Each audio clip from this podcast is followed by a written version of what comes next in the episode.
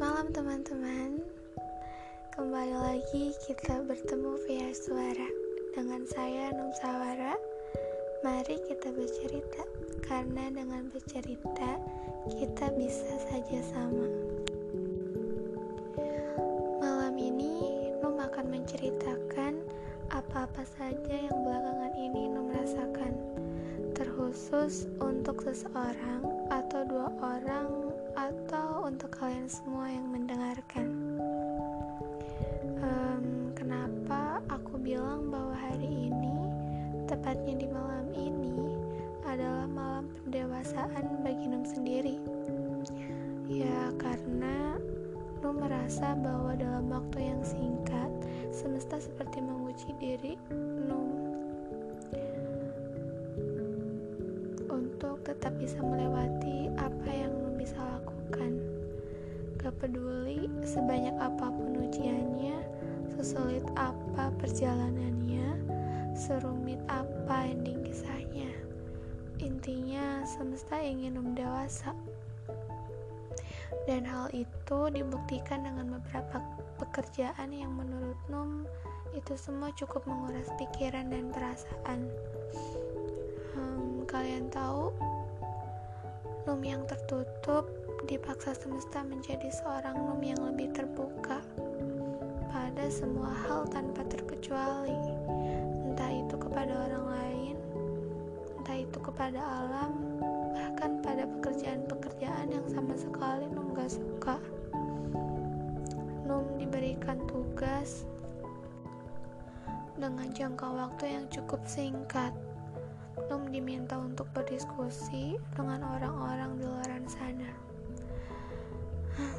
Dan tak hanya itu, di waktu yang bersamaan, semesta menguji Num dengan orang-orang terdekatnya Num. Salah satunya adalah Ia. Ia yang jadi teman Num sekaligus pasangan Num selama bertahun-tahun. Ia juga orang yang sama yang selalu Num ceritakan di podcast Num. Iya, kalau kalian tahu, dia adalah tokoh Sam. Sam pamit hari ini. Tentunya dengan semua alasan yang ia berikan. Hari kemarin, kita sempat bertengkar hebat. Kita seperti memporak-porandakan isi hati dan kepala kita. Hingga akhirnya menyisakan sebuah keegoan dalam diri kita masing-masing. Di samping banyaknya tugas kuliah, Num juga harus memikirkanmu, Sam. Kamu tahu, sudah berhari-hari aku tidur melebihi waktu yang tidak semestinya. Dan kamu tahu apa yang aku lakukan saat itu? Aku mencoba berdamai dengan ujian semesta. Aku mencoba berdamai dengan semua ujian yang ia berikan. Tak hanya itu, aku juga berusaha menghubungi semua teman-teman kita agar mereka bisa menyelesaikan persoalan kita berdua. Kamu tahu sampai mana perjuanganku lagi? Aku cukup diam dengan semua kata-kata menyakitkanmu. Di saat aku mencoba untuk terdiam, kamu terus saja membuka semua tentang masa laluku. Tak peduli bagaimana perasaanku saat itu. Aku juga cukup bungkam dengan semua persoalan yang kamu inginkan. Aku coba mendamaikan pertemanan kita, tapi justru kamu merasa bahwa aku yang telah merusaknya. Kamu baru bisa diam ketika aku mulai menangis, ketika aku sendiri tak bisa membendungnya lagi.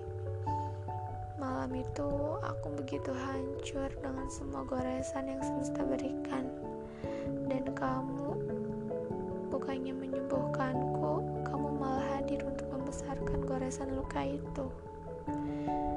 Dan sekarang aku hanya bisa mendiamkanmu, tak peduli bagaimana responmu, apa maumu dan niat baikmu. Tapi yang ku tahu, ketika aku sudah melakukan tugas terbaikku kepadamu, ku anggap tugasku telah selesai saat itu juga. Tak peduli jika kamu sendiri tak mau menghargainya, aku akan tetap baik-baik saja.